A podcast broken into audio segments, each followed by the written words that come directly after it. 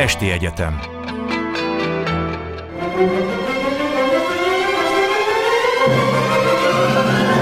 A világ urai Merre rángatják a világ szekerét a hatalmasok? Szénási Sándor műsora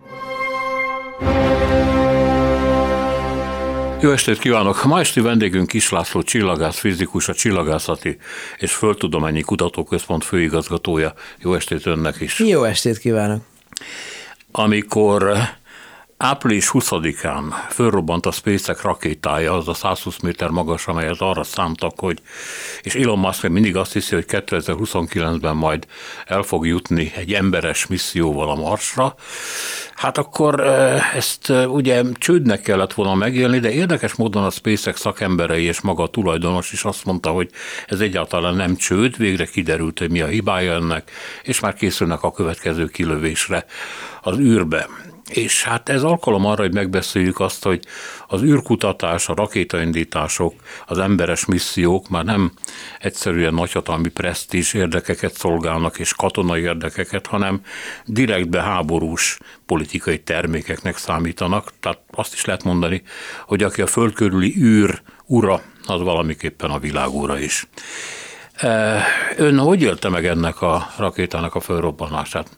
Hát némileg szomorú voltam, de olyan nagyon nem lepett meg a dolog, mert ez a fajta rakéta koncepció, ez a 33 Raptor típusú, vagy típusjelzésű egyedi hajtómű összepakolva egy nagy első fokozattá, aztán mögötte nyolc másik, a második fokozatba folyékony metánnal és oxigénnel összekevert term, égés termékeket kilövelve nagysebessége, ez így, ilyen formában még soha nem működött. Tehát nyilvánvalóan, ha még soha nem működött, akkor elsőre nem is biztos, hogy azonnal menni fog. Ugye 50%-os kapacitással próbálták ki eddig még legnagyobb teljesítménnyel, és az is vízszintesen elfektetve. Tehát igazából ez ténylegesen egy olyan lépés volt, amit megléptek, mert megléphettek.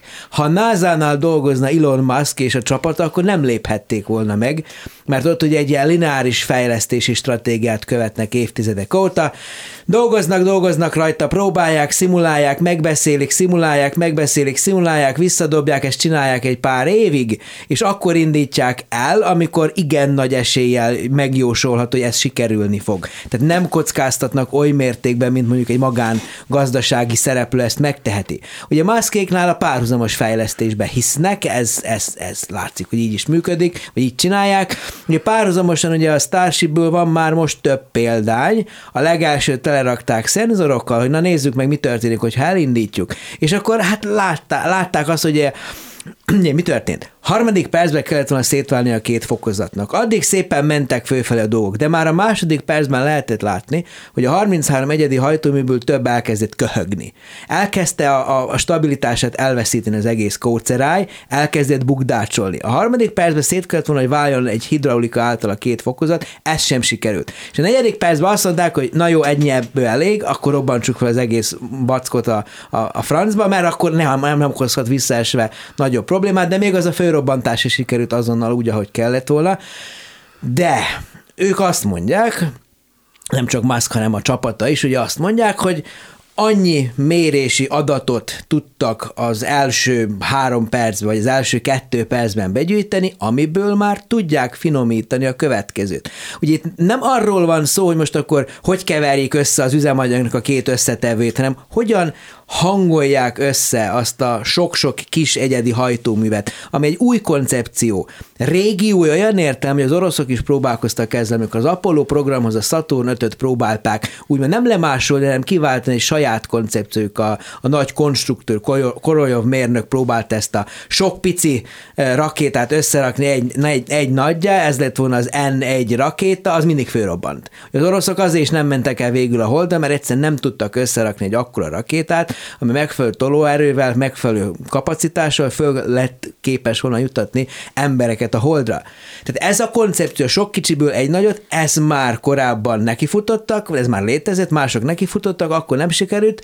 A maszkék most megint ezt próbálják, csak másképpen. És itt, amikor először kipróbálták ezt az egészet, akkor ez egy irányítás technikai feladat, hogy mennyire sikerül összehangolni a dolgokat.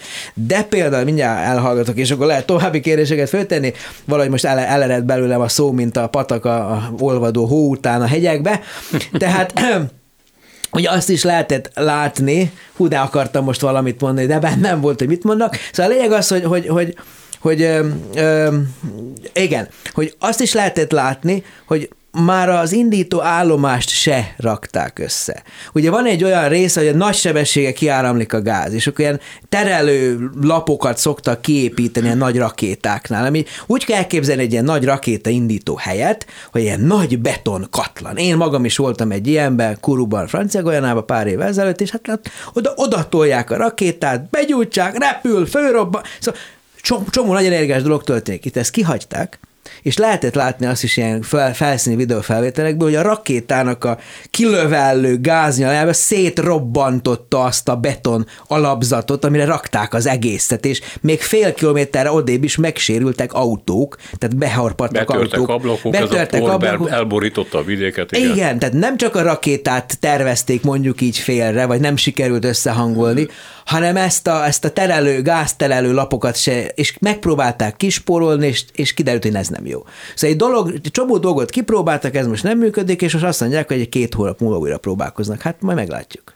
De mi ez a mi ez az őrület, hogy el kell jutni a Marsra, hogy mindenképpen embereket kell oda letelepíteni kilenc hónapos utazás után, ráadásul úgy, hogy a NASA azzal számol, hogy a, mondjuk a megérkeznek oda az emberek, két ember, másik két ember az a Mars körül keringő űrhajóban marad, majd hogy azzal jönnek majd vissza. Tehát ez a két ember a Marson el se hagyja majd tulajdonképpen a leszálló kabint, mert nem lesznek olyan fizikai állapotban, hogy az egyharmaddal egyharmadik gravitáció körülményei között ott élni tudjanak.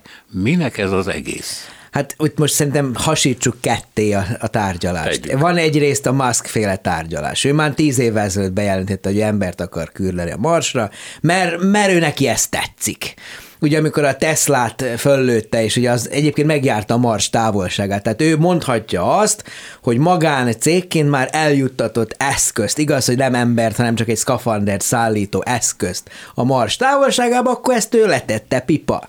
Ő neki ez a saját hepje. Ő, ő, ha megszerezi rá a saját pénzt, hogy elköltsön rá, mit tudom, akár 100 milliárd dollár nagyságrendű pénzt, akkor szíve joga, ha ez a pepje, és, és mondjuk így azt, hogy törvényes módon szerzi a vagyonát, hát adott esetben el is égethetni nyugodtan ilyen nagy vulkáni kráterbe bedobálva ezer dollárosokat, nyilván ez hülyeség. Ez a lényeg az, hogy ő ezt megteheti, a NASA nem teheti ezt meg. Tehát a NASA-nál egyértelműen a, a sokkal józanabbul számol, számolnak. Ugye a, a NASA az megkérdette ez a Mars to the Moon, vagy Moon to Mars programot, hogy igazából először a technológiát fejlesszük ki, egy, egy lassabb tempóval, először holdbázist szeretnének építeni, először hozzunk létre egy olyan technológiát, ami képes az embereket életbe tartani a mély űri körülmények közepette. A nemzetközi űrállomás, ezt nagyon fontos megérteni, az nem mély űri körülmény. Ugye 500 kilométerre se kering a Föld felszínétől. A Föld mágneses terén belül van. A nap köpködhet ki ránk bármiféle töltött részecskét, meg nagy energiós sugárzást, a nagy részét a földmágneses tér, hál' Istennek egyébként az űrhajósok számára leárnyékolja. A hold az már nincs leárnyékolva, ott már nincs mágneses tér, ott már, hogyha a napnak jön egy nagyobb kitörése, és ránk zúdít egy csomó protont, meg elektront, meg előtte még ugye fénysebessége ide érkezve röngen sugarakat, meg ultrében sugarakat, ott azt le kell árnyékolni valahogyan, létre kell hozni egyáltalán azt a feltételrendszert, mert amit egy emberi test képes ilyen körülmények közepette túlélésnek, túlélés biztosító feltételnek tekinteni. Ezzel még nem állunk nagyon jól, az az igazság. Ezt lehet látni, hogy, a, hogy az Artemis program, aminek ugye tavaly ment az első kísérleti repülés, az is mennyi hónap késéssel ment végül el, ugye ott is valójában az volt a lényeg, hogy egy ilyen anatómiailag korrekt női kis manöken bábúkat is vittek föl, hogy nézzék azt, hogy a női testnek a különböző más formába árnyékoló hajlatai hogyan módosítják a sugárzási teret az emberi testen belül. Tehát itt még ezen a szinten járunk, és ez még csak a hold. Hol vagyunk még a Marstól? Tehát Musk megfogalmazhatja azt, hogy 20 akárhányba vagy 30 akárhányba elküld embereket, de jelenleg még nincs meg hozzá a technológia, ezt ki kell jelenteni. És ugye az a helyzet, hogy ameddig ez a klasszikus kémiai meghajtással működő rakétákkal fogunk röpködni, amelyeknek a Ugye most itt a, a Starshipnál ez a nagy számok, hogy kétszer akkora tolóerő, mint a Saturn 5, egyszerre 150 tonnát képes fölvinni földkörüli, alacsony földkörüli pályát. Ugye nagy, a nemzetközi űrállomás az olyan háromszor ennyi, 450 tonna. Tehát egy harmad nemzetközi űrállomás itt képes egyszerre fölvinni. Ezek mind nagyon szépek és jók, de a Mars az egy sokkal komolyabb kihívás. Ugye a Marsra leg, legegyszerűbb úgy átjutni, hogy fél évig ott van, fél évig utazik az ember, ott van pár hetet, és vagy fél, fél évet utazik vissza, és akkor bő, körülbelül bő egy év alatt megjárja, vagy megvárja, hogy a bolygók ismét jó állásban legyenek egymáshoz képest, ami azt jelenti, hogy ott van még másfél évet, még bő egy évet, és aztán megint egy fél éves utazásra jön haza. Tehát vagy egy év, vagy két év, nincs közbülső idő. Tehát ezt azért nagyon jó megkőfontolni, és nyilván azt mondják az okosok, hogy ha majd már eldöntetik, hogy tényleg lesz hozzá hordozónk, meg űrhajónk, meg akármi, akkor előre lehet küldeni mondjuk a nyersanyagokat, tehát a táplálékot, a önmagát fölépítő marsbázist, meg a mindenféle ilyen sci-fi dolgokat. Ezek ma még mind science fiction területhez tartoznak, és akkor az emberek csak odaérkeznek, és akkor beülnek a kézbe. Uh-huh. De hát ettől még ez nem lesz meg tíz év alatt. Ugye 2029 az hat évre van. Tehát könyörgöm. Hát hat évvel ezelőtt, ugye 23-hoz képest 17-ben jártunk, nagyon-nagyon lassú ehhez képest a fejlődés, és lehet, hogy ezt így még megfogalmazzák optimista, hogy az évtized végére Marsra jutunk. Szerintem, ha az évtized végére a Holdra visszajutunk, akkor is jók vagyunk. Hát igen, a NASA terve szerint is, mielőtt még a Marsra szállás megtörténne, föl kell jutatni kb. 25 tonnás szállítmányt, ami ott szépen leszáll. Ezen belül van egy felszálló egység, amivel ugye a Mars körül keringő űrhajóra elmennének az űrhajósok. De azt mondta, hogy rengeteg időnek kell még eltelnie, és nagyon nagy technikai fejlődésnek, na de hát még a hold esetében is, na de hát a holdra már leszálltak egy párszor, és nem volt ekkora cirkusz. Igen, de most nem az a cél, hogy leszálljunk és visszaszálljunk, és akkor megint pipa, Ja, azt kell látni, hogy most minőségileg különbözőek a célok. Ugye a 60-as években, amikor a Apollo programot meghirdette Kennedy elnök 61-ben, ugye azt mondta, hogy hát jó van, most már orosz barátaink elsőként repültek föl, elsőként jártak a űr kilépésbe, tehát a űr, mi ez, amik űrsétát először csináltak, először vittek fő nőt, tehát most már azért, na, vegye vissza Amerika az elsőbséget, és a rákövetkező tíz évben, vagy év rá elkövetkező évtizedben tényleg pénzparipát, fegyvert nem kímélve behozták a lemaradást, és megmutatták politikai szempontból a célt, hogy igen, mi vagyunk a legjobbak. Utána el is lankadt az egész dolog. Ott igazából ez egy nem, nemzetközi űrversenynek a része volt. Most az az igazság, hogy megint nagyon hasonló a helyzet. És ebbe az egyik szemem sír, a másik is könnyezik egy kicsit, mondjuk azt, hogy picit nevet, ugye, mint, mint, mint csillagász, mint a földi légkörön túli világ kutatója, én csak örülni tudok annak, hogyha a szektor fejlődik. Azért, mert ha a szektor fejlődik, az egy csomó olyan technológiai fejlesztést hoz magával, amelyek megjelenhetnek mind a hétköznapi életünkben, mind a tudományos eszközökben egyaránt. Tehát a lényeg, ami lényeg, hogy ez, ez, az, ez az űrtevékenység, ez, ez fejlődik, az én azt gondolom, hogy összemberiség szintjén is jó, még hogyha ez nem is mindig, ezt nem is mindig triviális meglátni, de valójában az egész társadalmunk számára az űrtechnika, űrtechnológia kihozott olyan eredményeket, amelyeket mindannyian használunk, csak nem vesszük észre, mert annyira természetesnek veszünk. Például mire, mire gondolom? Hát most csak mondom, mint a műholdaknak a föllövésével, a GPS technikával mm. pontosan tudjuk azt, hogy hol vagyunk két másodpercen belül, bármikor bekapcsoljuk az okos eszközünket. Egy, van egy ilyen szám a fejemben, amit valahol egyszer olvastam, egy tipikus urbánus környezetben élő állampolgár egy nap 50 kötőjel 70 műholdról származó adatot használ. Amikor megnézzük az időjárási előrejelzést, amikor megnézzük, hogy merre jár az eső, amikor merre, amikor bekapcsoljuk, hogy most hol, hol is van pontosan a, mit tudom én, a Hegyeshalmi Rihárd utca 42, tehát itt mind-mind-mind olyan technikát használunk, amiben benne van az a high-tech, amit a kinti világnak a, a, az igényei elő, készer, elő ránk kényszerítettek. És csak most mondok egy dolgot. Az, hogy a, a Holdon legyen bázis, vagy az, hogy a Marson legyen bázis. Most a legígéretesebb technológia az, hogy 3D nyomtatása majd ott a helyszíni regolitból, az a felszínborító kőzetnek az elnevezése, majd ott, ott lehet készíteni falakat, esetleg ilyen gombaszerű lényeket megfelelő módon leszigetelve ott szaporítatni, és akkor ez az egyik része a dolognak a 3D nyomtatásos házépítés, a másik pedig, Ugye az űrhajósokat etetni kell, nem lehet magukkal vinni mindent, tehát ezért aztán olyan technikákat kell kifejleszteni, ami erőforrás szűkös környezetben képes etetni embereket. Ez most itt úgy tűnik, hogy csak az űrhajósokról szól, de hány helyen is van a Földön erőforrás szűkös hely, és hány helyen lesz a következő évtizedekben például a klímaváltozásnak köszönhetően erőforrás szűkös hely, ahol adott esetben a maximálisat kihozni a minimális erőforrás forrásokból a túlélés kérdése lesz. Én egyáltalán nem tartom lehetetlennek, hogy mondjuk így a űrhajósok számára kifejlesztett hozzunk ki mindent a kevés nyersanyagból, annak a földi túlélésben is lesz majd szerepe. Még egy picit... hangzik, de nem tartom kizárt. Én elhiszem. Mielőtt még tovább mennénk és megbeszélnénk azt, hogy na de ki és mire akarja felhasználni a holdat vagy a marsot, maradjunk még a technikánál. A, említette, hogy egy tulajdonképpen nagyon hagyományos keverékkel lőtték föl ezt a Starship-et. Igen. És ezzel kapcsolatban millióféle persze lehet, hogy ez is csak szifi, ötlet van arra nézvést, hogy mi lehet a hajtóanyag. Igen. Elsősorban persze azért, hogy lerövidítsék ezt a 6 vagy 9 hónapot, ami a mars elérését, meg a visszajövetelt jelenti, és ezzel csökkentsék az emberekre gyakorolt nyomást, meg hát az unalmat, meg mit tudom én, elvetni azt az ötletet, hogy akkor mély alvásban repüljenek, minden van, ugye? Van mindenféle, Igen. mint a bucsúban. Szóval a, a technika gyakorlatilag, ahogy ma látjuk, mit tesz lehetővé? Hát én nekem ezzel kapcsolatban van egy erős szkepszisem, megmondom őszintén. Tehát itt most ugye kémiai hajtóműveket használunk. Ugye van, hogy folyékony oxigén, folyékony hidrogén, ugye ez van az Artemisnek a, a rakétájában, ott ugye összesen van gyakorlatilag ugyanaz öt hajtómű, majdnem, mint az, vagy négy hajtómű, mint a Saturn, ugyanúgy néznek ki.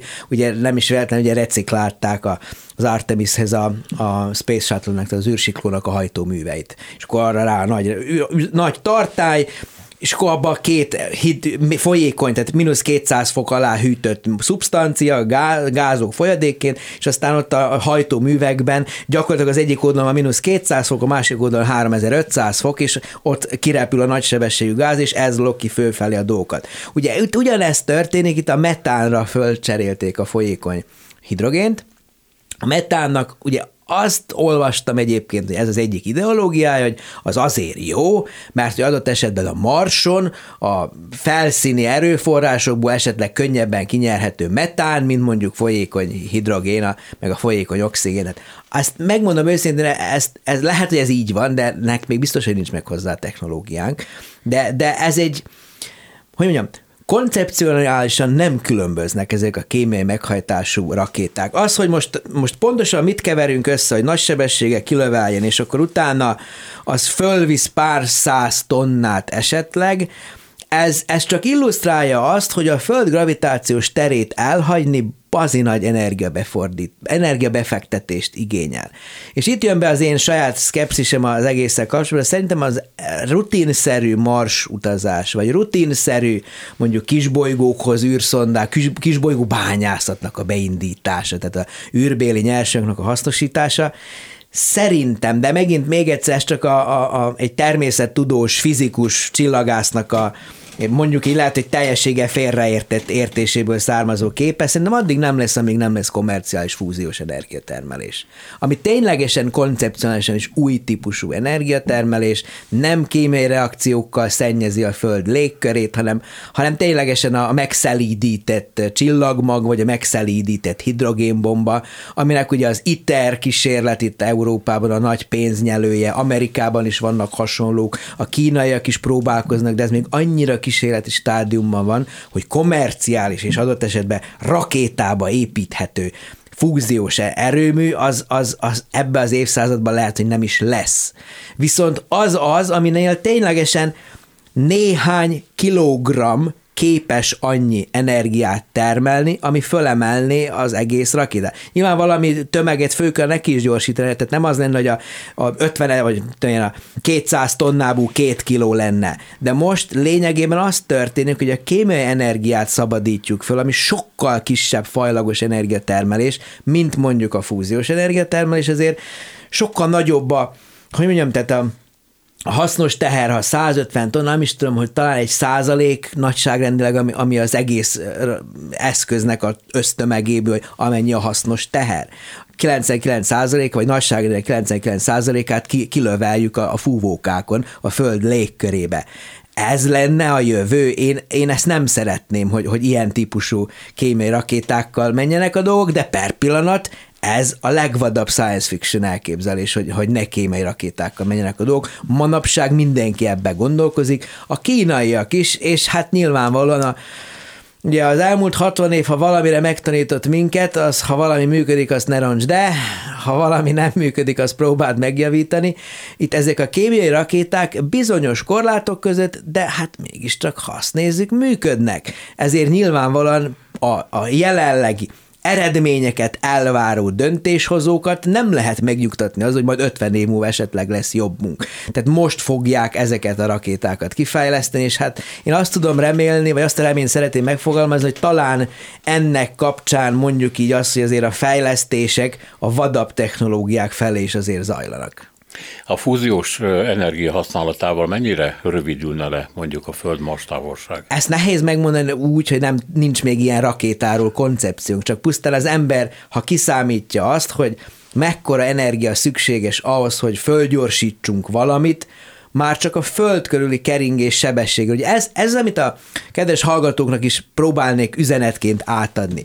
Azért kell ilyen bazinagy rakéta mert a, a, az égi mechanika által leírt sebességek a bolygók között annyira nagyok, mert a nap gravitációs tere határozza meg azt, hogy mennyivel megyünk a Föld, a nap körül 30 km per szekundummal megy, a 108 ezer km per óra. Ugye a, a nemzetközi űrállomás az 8 km tesz meg másodpercenként, az nagyjából 26 ezer km per óra. A 26 ezer km per óra százszor nagyobb sebességű, mint a Forma 1-es autó a csúcssebesség környékén, nagyjából 180-szor, 100 gyorsabb. Hogy ilyen nagy sebességre főgyorsítsunk nagy tömegeket, hatalmas energia befektetésre van szükség. Nem akarok senkit elriasztani a fizika oktatásra, de hogy MV négyzet per kettős mozgás energia, az a sebesség négyzetével függ. Tehát az égi mechanika által által diktált 100 ezer kilométer per órás sebességekre való fölgyorsítás az, ami ennyire nehézé teszi az űrkutatást. Mert ki kell szakadni a Földünk gravitációs teréből, és itt jön be a képbe a hold, meg a holdi űrállomás, meg a 3D nyomtatás, meg a ki tudja még milyen science fiction megint csak technológiák, Mondják azt az okosak, hogy ha mondjuk egy hatod gravitációs holdon tudnánk nyersanyagokból összerakni dolgokat, akkor sokkal kevesebb hajtóanyaggal lehetne eljutni például a Marsra. Tehát van benne ráció, hogy ténylegesen hozzunk létre egy permanens emberi létezést a holdon. Ugye ez még a 60-as években nem volt célkitűzésként megfogalmazva. A NASA-nál már a 80-as évek elején voltak kész koncepciók, ugye alfa holdbázis, meg mindenféle ilyen, ilyen hol sci-fi filmben, hol valódi tudományos koncepciókban ezek meg lettek fogalmazva, de a, a, a, most a holdra azért akarunk visszatérni, mert hogy, hogy kidolgozzunk egy olyan, talán mondhatjuk azt is, mond, talán nem túlzás, kicsit, kicsit nagyképűre így megfogalmazni, egy olyan technológiai bázist létrehozni, ami aztán a tovább lépéshez szükséges hát lehetőségeket biztosítja, és ne kelljen mindent a föld gravitációs teréből a nagy sebességre, földgyorsítás révén kiszakítani, mert ez nagyon-nagyon-nagyon drágává teszi az egészet.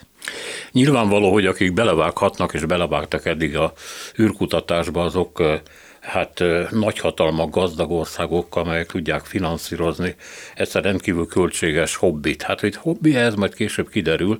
Minden esetre egy rendszerek közötti versenynek is része volt, mint mondtam, presztis kérdés Igen. volt, hogy az első űreszköz, amit följuttattak, az a szovjet volt, az első ember szovjet volt, az első nő szovjet volt, stb. Aztán jött az amerikaiak évtizede. És hát ennek következtében ilyen tulajdonjogok kezdenek megfogalmazódni, hiszen hiába voltak korábban olyan megállapodások, hogy kérem az űr, az mindenkié. Igen. Tehát itt nem osztjuk föl, nem parcellázzuk ki, stb. stb. Azért én olvastam olyan orosz kijelentést a orosz űrprogram vezetőjétől, hogy például a Vénusz a miénk, az orosz birtok. Uh-huh. Mert hogy ugye ők lőtték ki a legtöbb űreszközt oda a megfigyelésére, a különféle Venyera generáció. Hát igen, itt, itt, itt feszít, feszül szét a nemzetközi jogrend, részbe azért, mert nincs szabályozva valami, részbe azért, mert nem mindenki fogadja el a szabályokat.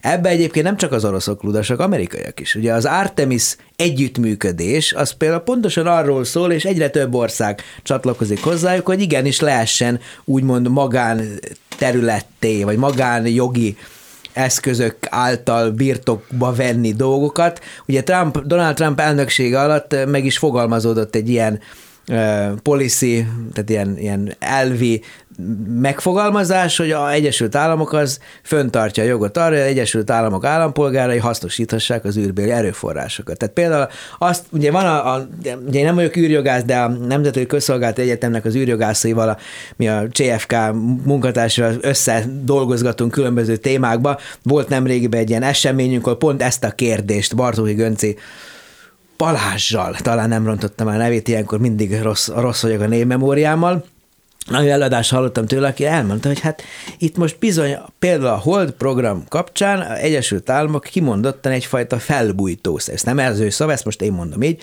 egy ilyen felbújtó szerepet játszik a nemzetközi közösségben, hogy a korábban az ENSZ által megfogalmazott szabályok, amelyek egyikét, amit nem tudom most fejből pontosan megnevezni, de az Egyesült Államok soha nem ratifikálta, azt igenis felejtsük el, tárgyaljuk újra, vagy mondjuk így az, hogy bizonyos országcsoportok alakítsanak újabb szövetséget, amelyek ezt a hasznosítást, ezt realizálhatóvá teszik. Tehát van egyfajta jogi gubanc, van olyan ország, ami az ENSZ által megfogalmazott űrjogi nyilatkozatokat is, meg ezt az Artemis nyilatkozat, vagy Artemis szövetséget is aláírt Ausztrália. Azt mondta, hogy majd amelyik, amelyik a végén győzni fog, ahhoz fogunk csatlakozni. Ügyes, mondaná az ember. Igen. Így kell ezt csinálni. Tehát a lényeg az, hogy, hogy itt most az űrjog, az egy egyre fontosabbá váló téma, és én nagyon örök például, örömmel láttam tavaly egy magyar nyelvű új űrjog könyv is megjelent a NK kiadásában, ezt a kérdéskört nagyon részletesen körbejárt, tehát erről meglepő módon jó dolgokat lehet magyarul is olvasni. Szóval én ezeknek nem vagyok szakértője, de azt látom, hogy ha ha, ha mostani helyzet tovább eszkalálódik, akkor egy olyasfajta vadnyugati állapot alakulhat ki odakint, ami magába hordozza adott esetben az űrbéli konfliktusok valódi veszélyét is. Tehát ugye a oroszok meg a kínaiak 2021 tavaszán aláírtak egy együttműködési, ilyen megáll, hát nem megállapodás, de memorandum of understanding-et, egy ilyen milyen szándéknyilatkozatot arra, hogy létrehozzanak közösen egy nemzetközi holdkutató űrállomást, tehát a hold felszínén egy holdbázist. Amerikaiak, ugye a japánokkal, európaiakkal, Kanadával szeretnének egy, egy saját holdbázist.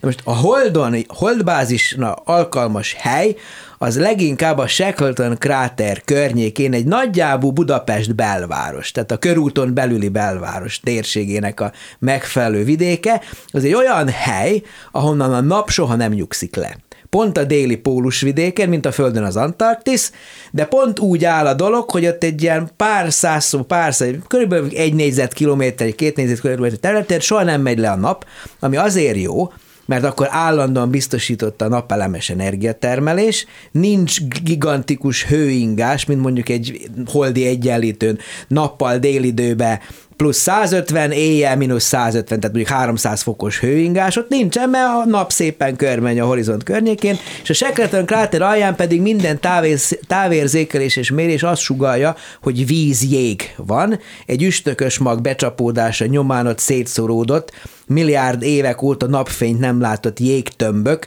nagyon komoly értékű erőforrást biztosíthatnak, ha ott az ember egy holdbázist fölépít. Na most, hogyha azt mondjuk, hogy én a a Kossuth téren megépül egy kínai holdállam, holdbázis, és mondjuk a, mit tudom én, az Erzsébet téren megépül a, a, az európai, amerikai, európai, japán, kanadai űrbázis, és egymás között nincs, mit tudom én, légvonalba, vagy holdvonal, űrvonal, vákumvonalba van mondjuk 250 méter, vagy 400 méter, és ott van mellettük a jégtömb, amiből aztán szedik ki a vizet, az oxigént, a hidrogént, akkor ki fogja eldönteni, hogy melyik jégtömb kié? Tehát azért ebben lássuk meg azt, hogy potenciálisan egy klasszikus science fiction toposz az űrbéli konfliktusnak benne rejtőzhet a magja, és ha ezek nincsenek rendesen leszabályozva, mielőtt még megtörténének, akkor, akkor egyszerűen eldurulhat a helyzet odakint. Isten óvjon minket ettől. És még hát az is kevés a szabályozva van, mert kitartja be. Hát meg milyen, meg milyen, milyen retorzió éri Igen. azt, aki megszegi a szabályt, de, de hát first thing first, mondja a művelt francia. Tehát először hozzuk meg a szabályokat, és aztán majd beszélgessünk, hogy hogyan tartatjuk be. De ha nincs szabály, akkor mindenki azt csinált, amit akar, annak a végeredménye káosz. Hát gyakorlatilag ugye a műholdak ügyében már látjuk ezt a nemzetközi lögdösödést. Igen. Ugye egymással kiszúrni, fölrobbantottak az oroszok egy katonai műholdat, és a darabjai veszélyeztetik mondjuk az amerikait. Hát vagy meg, mondjuk... meg ugye Musk, ugye Muskkal kezdtük, Igen. Muskkal folytassuk.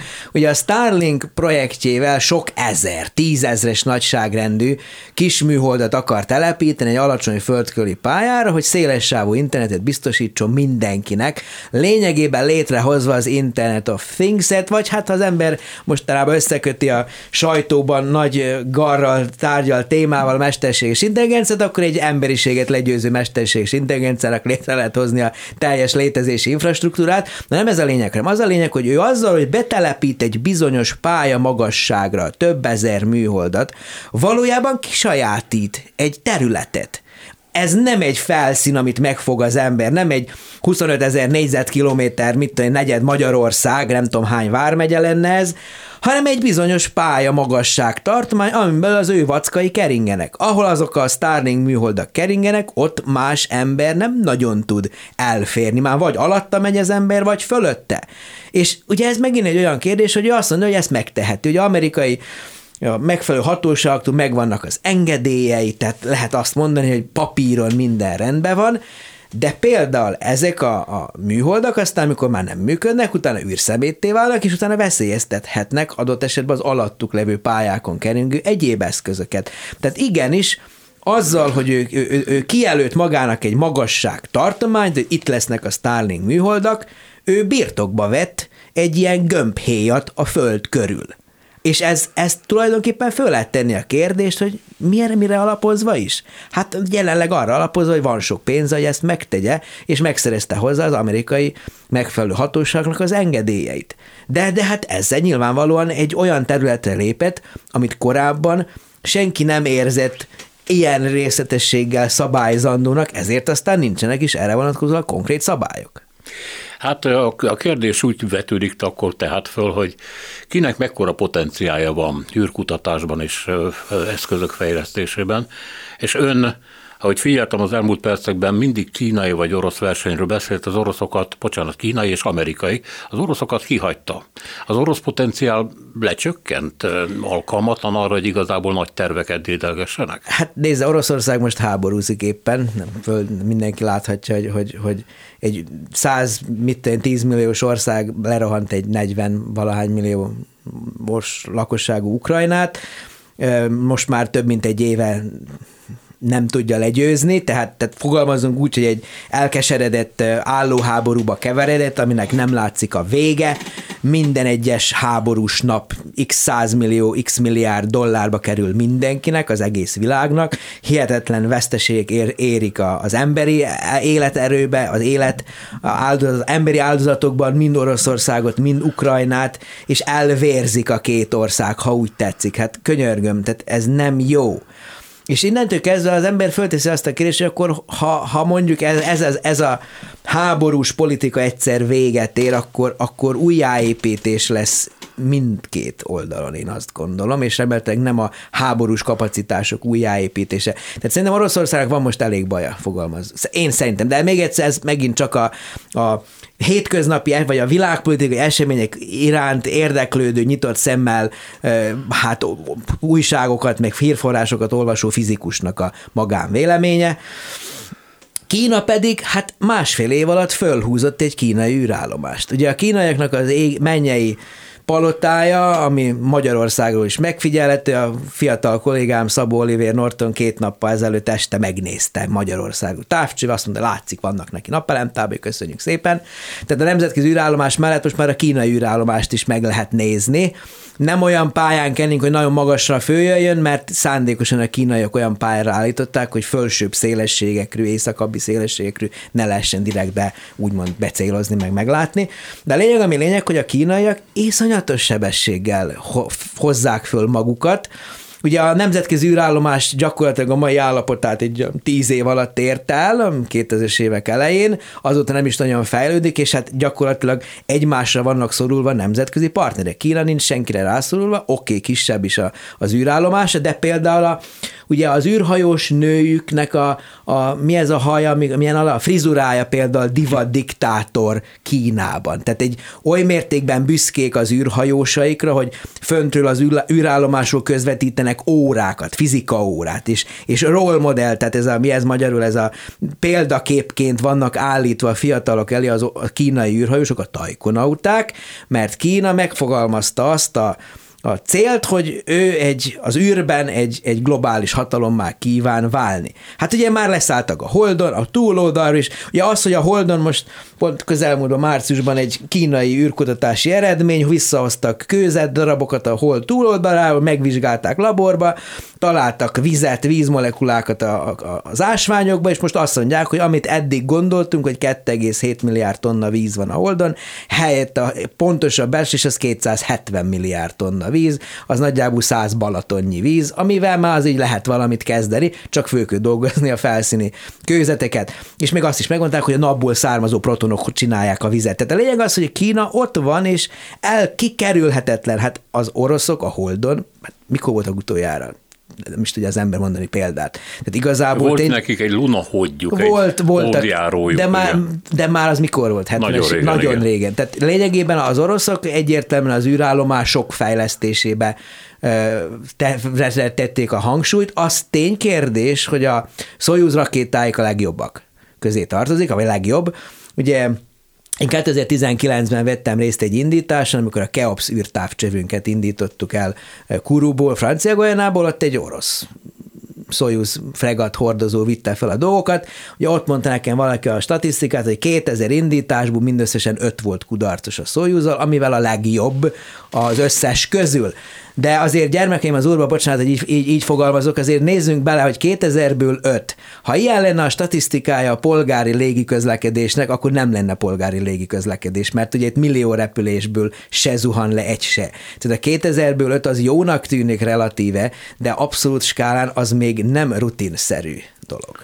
Amit még ezzel kapcsolatban mondanak az az, hogy, és itt visszatérnék arra, hogy gyakorlatilag az űrura mennyire a világura, hogy olyan katonai eszközök telepíthetők, akár az űrállomásokra, akár mondjuk a Holdra, vagy bármire, amivel az ellenfél struktúráit ugye szét lehet lőni mondjuk nagyon erős lézertöltetekkel, stb. stb. Mások azt mondják, hogy még a napenergiát is be lehet csatornázni úgy, hogy óriási pusztításokat lehessen végezni. Magyarán az űrből valóban ma, mai tudásunk szerint lefolytathatók háborúk? Hát nézze, ugye megint ahhoz, azt, ahhoz fordulok, hogy nagyon nagy sebességgel történnek odakin a dolgok. Ugye volt egy nagyon jó film két évvel ezelőtt, a Ne néz fel, ami egy szatíra volt a világ kulturális eh, jelenlegi reakciójára, akkor, hogyha jön egy földet fenyegető veszély, ott egy kisbolygó becsapódása volt az, ami a alap történetet föl, föl, történet fölvetéséhez hát megadta az alapot, az inspirációt. Aztán, hogy mi volt benne, az egy másik kérdés. Na a lényeg, ami lényeg, hogy hát igazából most én egy ezer tonnás kősziklát elindítok a föld felé egy ütközési pályán, akkor az pusztán már csak a, a, a keringési sebességből egy oly mértékű e, energia felszabadulással jár, ami, ami atombombákkal összevetett, és nem kell hozzá semmi, úgymond semmi, csak olyan pályára kell, bombázó pályára kell állítani, ami aztán a megfelelő helyre becsapódva adott esetben egy várost vagy egy félországot képes letörni. Jelenleg nincs ilyen technikánk, amivel ezt a pályamódosítást kisbolygók esetén, vagy ilyen nagyobb sziklák esetén meg tudnánk csinálni. De az biztos, hogy a Ugye az interkontinentális ballisztikus rakéták, amelyek ugye a hidegháború idején több ezres darabszámba kifejlesztésre kerültek, és máig ott rozsdásodnak a silóikba, hál' Istennek egyébként, azok olyan sebességekkel mennek, amik így mondjuk hogy a földköri keringési sebességeknek felelnek meg odaföntről, adott esetben távolabbról, vagy máshonnan, másmilyen pályáról kvázi láthatatlan módon le lehetne csapni még nagyobb sebességekkel, tehát ezeken a rakétákat meghaló sebességekkel, és adott esetben nukleáris töltet nélkül is el lehetne érni olyan energiafelszabadulást, ami aztán pusztító erejű lenne, de nem csinálna radioaktív szennyezést.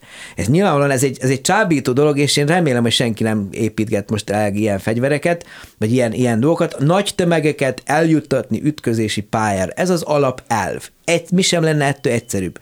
Szerencsére még azt mondom, hogy szerencsére szerintem nincs még olyan technológiai fejlettségünk, hogy ezt képesek vagyunk megtenni ilyen 10-20-50 méteres szikladarabokkal, de a potenciál ott van benne azt tudtuk 50 évvel, vagy sőt, 25 évvel ezelőtt tudtuk, hogy gyakorlatilag van, lesz, az eszköz, lesz a zsebünkben egy eszköz, amivel bármikor, bármilyen kérdésre tudunk választ, és bármely emberrel a Földön kapcsolatba tudunk lépni kettő másodpercen belül. Nem tudtuk. Tehát az, hogy hova fejlődik ez a jelenleg még továbbra is exponenciális mentén fejlődő technikánk, azt nem tudjuk, és én azt azért hadd fogalmazzam meg, amit ilyenkor mindig beszoktam szúrni, hogy én nagyon-nagyon-nagyon örülnék, hogyha ez a fejlődésnek a legfontosabb fókuszpontja az a földi klíma, civilizáció, lakhatóság, életminőség, emberi konfliktusok megoldására fókuszálna, és nem ilyen hadi alkalmazásokra. Hát igen, hogy tudjuk, hogy mit nem tudunk, és esetleg tudnunk kellene azt, ami nem lehetséges egyébként, de hát ha a másik mégis megcsinálta, hogy a 80-as évek vége az amerikai csillagháborús tervek. Semmi hát nem volt bele. Régennek nagyon erőteljes volt a retorikája. Aztán, hogy mennyire volt az megalapozott, ez mindig egy érdekes kérdés hogy ő valójában csak egy nagy pókerjátékosként beugratta a Szovjetuniót egy oly, oly mértékű technológiai fejlesztési igénybe, amit aztán nem bírt a gazdaság, és inkább összeomlott az egész hó bele van, és akkor így legyőzték. Annélkül, hogy megcsinálták volna a lézeres rakétavédelmi, mert nincsen azóta. Legalábbis ismereteink szerint nincsen. De persze ismereteink azok rendkívül végesek, ezt már csak onnan is lehet tudni, hogy a amerikai hadseregnek van egy olyan azt hiszem talán National Reconnaissance Office, talán ez, ez a elnevezése, egy hivatal, ami valójában a katonák földet figyelő szervezete, az éves költségvetéssel publikus adatokból lehet tudni, hogy kétszeresen, háromszorosan názájának, és nagyjából tíz év ezelőtt volt az, amikor szóltak a csillagászoknak, hogy van nekünk egy 2,4 méteres távcsövünk, nekünk már nem kell, nem akarjátok valamire főhasználni. És akkor kiderült, hogy egy ilyen Hubble űrtávcső klón ott hevert náluk az egyik raktárba, és már nekik nekik nem kell, és ebből lesz már a Nancy Grace Roman űrteleszkóp 2025-be. És, és, és akkor az ember elgondolkozik azon, hogy jó, ha nekik már ez nem kell, akkor mi, mekkora van nekik most? Igen. Tehát, tehát ez az, hogy mi mit tudunk, és mi a valóság, a között van egy mondjuk így ásító szakadék. Igen, de az is tény, hogy az Egyesült Államok, de lehet, hogy ez megint csak a régeni mondatra emlékeztetője, fölállított egy űrhadsereget. Hát Igen. szavakban. szavakban. Igen, hát van is, van főnöke, tehát onnantól kezdve létezik. Igen, de ugye ennek, hogy mondjam, csak fizikai megnyilvánulásai nincsenek, hogy figyelem, finoman fogalmazza. Hát, vagy legalábbis nem tudunk róla. Ugye itt nagyon nagy a csábítás az összeesküvés elméleti síkra oda képzelni dolgokat, amik aztán valójában nincsenek. Én, én a, mondjuk így azt, hogy viszonylag józan, két lábbal a földön álló csillagászként, bármennyire is ez adott esetben oximoronnak tűnik, azt gondolom, hogy a világ az sokkal unalmasabb hely, mint azt az összeesküvés, összeesküvés elmetekben hívők gondolják. Tehát ha nem tudunk semmit annak az űrhadseregnek a aktivitása, akkor, akkor a legvalószínűbb az, hogy tényleg még igazából ők se tudják pontosan, hogy mit csináljanak.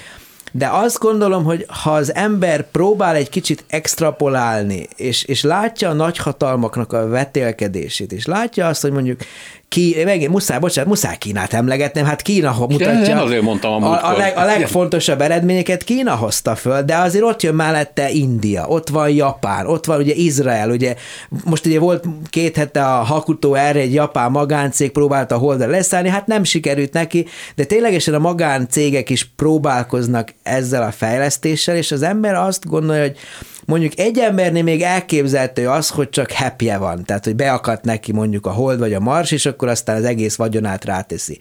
De amikor látja az ember azt, hogy a szereplők egyre nagyobb számba jelennek meg, akkor talán nem csak egy holland tulipán hisztériát látunk, vagy egy egyéb ilyen fölfújt valami dotcom lufit, hanem itt tényleg lehet valami, aminek a végén, ha jót csináljuk, akkor össztársadalmi haszon lesz. A másik, ami egy válasznak számít arra a kérdésre, hogy de minek nekünk a mars emberek, az az, hogy hát eh, annyira tönkretettük ezt a bolygót, hogy el kell jönni annak a pillanatnak, amikor el kell innen menekülnünk. Hát ugye technika hiány, hogy hogy oltató meg azt, hogy nem milliókat, de milliárd embereket telepítsenek át, az egyelőre nem nagyon világos. Eh, az sem, hogy hogy lehet az emberiségnek úgy összefogni, hogy erre éppen ebben a pillanatban a legkevésbé alkalmas, ez látszik a háborúkból, a vetélkedésekből, a, a szankciós politikákból, hát mindenből, hogy itt gyakorlatilag a Pax Americana széthullása óta, hát olyan marakodás folyik a világban, amit régen látott az emberiség. Hát ugye, el, mond, ugye ezt már 50 éve hallgatjuk, hogy a növekedés határait elértük, aztán mégse az biztos, hogy a Mars az nem lesz egy Föld 2.0, tehát arra alkalmatlan. Tehát oda, oda nem fogunk még egy millió embert se áttelepíteni. Pont nemrégiben olvastam egy konkrét cikket, egy kutatócsoport át, fő, kiszámolt, hogy mi kéne az, hogy egy millió embert etessünk a Marson, és akkor gyakorlatilag meg kiszámoltak azt, hogy mit tudom, növényeket, hogyha akarnánk telep, ott, ott, ott mi a fene növeszteni, vagy termeszteni, akkor a kukorica a legjobb, legnagyobb térfogat arányú, legjobban hasznosítható anyag, vagy hát egy növény, ilyen egymillió ember, ez ilyen több száz kilométernyi alagút rendszert kéne kiépíteni a Mars felszíne alatt, ugye a sugárzási védelmi a felszín alá, bejuttatni a fényt, mesterséges fényekkel juttatni nekik a, a, az energiát, hogy fotoszintetizálnak. A legjobb fehér, fehérre forrás pedig a rovarok lennének, tehát ilyen sáska. Tehát a baloldali alakutakban nőnek a kukoricák, a jobboldali alakutakban meg zsizsegnek a sáskák, és a középső alagútban meg laknak az emberek ezt nem hiszem, hogy ez egy reális kép. Tehát, tehát nem, tehát oly mértékben barátságtalan környezet a Mars, hogy az Föld 2.0 nem lesz. Tehát a jelenkor tudományának és technikának a legnagyobb kihívása az Föld megőrzés, ez egyértelmű. Tehát a, a, az, az, az, egy, az, egy, az egy félreértés, hogyha valaki azt gondolja, hogy azért kell a Marsra menni, hogy majd egyszer ott éljünk túl. Nem, a Földön kell túlélnünk. Akkor minek megyünk a Marsra? Nincs igaz a Bill Gatesnek, aki azt mondta, hogy emberek. Annyi szar van ebben a világban, annyi mindenre kéne költeni. Miért pazaroltok el milliárd dollárokat a Mars misszióra? Már a nagy, nagy rendszerek szintjén valójában ez apró pénz, ezt azért vegyük készre. Tehát, tehát azt mondjuk, hogy mekkora pénz, tehát mit egy ember, egy ember szintjén 10 milliárd dollár, az bazisok pénz, egy-két ember kivételével.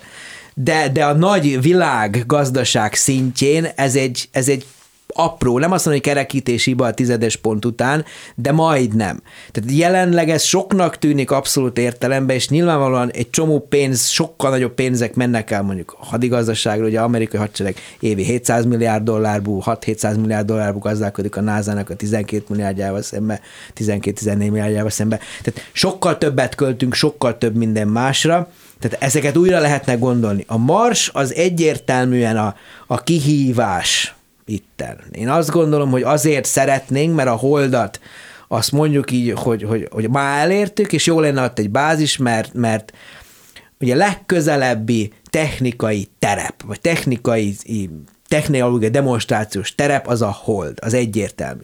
De az nem annyi, de, de azért mégiscsak a legföldszerűbb bolygó a naprendszerben az a Mars. Tehát a következő logikus lépés az egyértelműen a Mars, és, és ne kérje senki azt rajtam, vagy bárki űrrel, vagy csillagászattal, űrkutatásra foglalkozó szakember, hogy mitől lesz majd ott nekünk gazdasági haszon. Nekem személy szerint az a véleményem, hogy az egész űrtevékenység akkor lesz önfenntartó, ha fog gazdasági hasznot termelni, és nem is feltétlenül a Mars fog először nekünk hasznot termelni, a kisbolygók bányászata szerintem sokkal érdekesebb potenciálokkal bír. Csak hát föl kell deríteni, hogy melyik a jó célpont, ami meg a tudósok dolga egyébként. Egy szót azért mondjon erről a kisbolygó bányászatról. Ugye? Vannak ott az érdekes dolgok. Ugye például a psziché kisbolygóról azt tudjuk, hogy nagyjából fémbű van. Megy is oda majd egy űrszonda hamarosan, a NASA-nak egy űrszondája, ami megnézi, hogy pontosan milyen összetételű. Tehát a kisbolygók méretéből, mozgásaiból, tömegéből ki lehet számítani azt, hogy miből állnak, és hogyha valami nagy sűrűségű, valami fémes valami, akkor nem teljesen kizárt, hogy akár földi hasznosításban szükséges anyagok, nyersanyagok is lehessenek odakint. Ugye itt szokták azt mondani, hogy a ritka földfémeknek, hogyha találnánk egy nagy mennyiségű... Majd az űrből hozzuk a lítiumot. Például, meg, meg bármi mást a, a, európium, meg a gallium arzenithez, nem tudom mit. Ugye jelenleg Kína ez gyakorlatilag dominálja ezt a területet. Ugye az összes mikroelektronikánk azért készül ott, mert ott van a megfelelő mennyiségű, megfelelő finomítású, finomítottságú ritka földfém.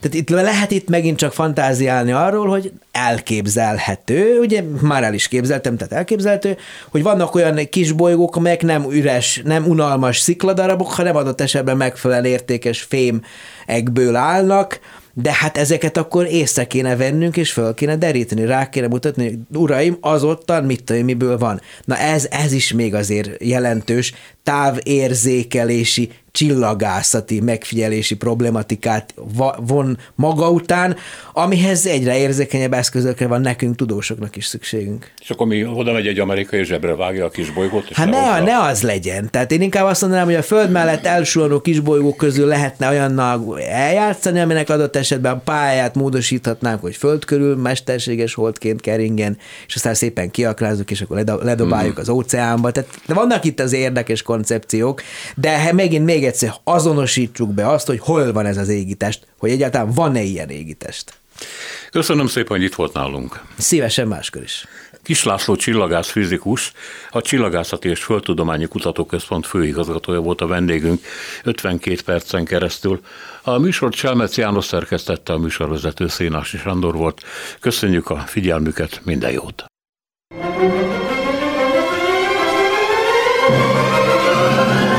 A Világ Urai című műsorunkat és Szénási Sándor műsorvezetőt hallották.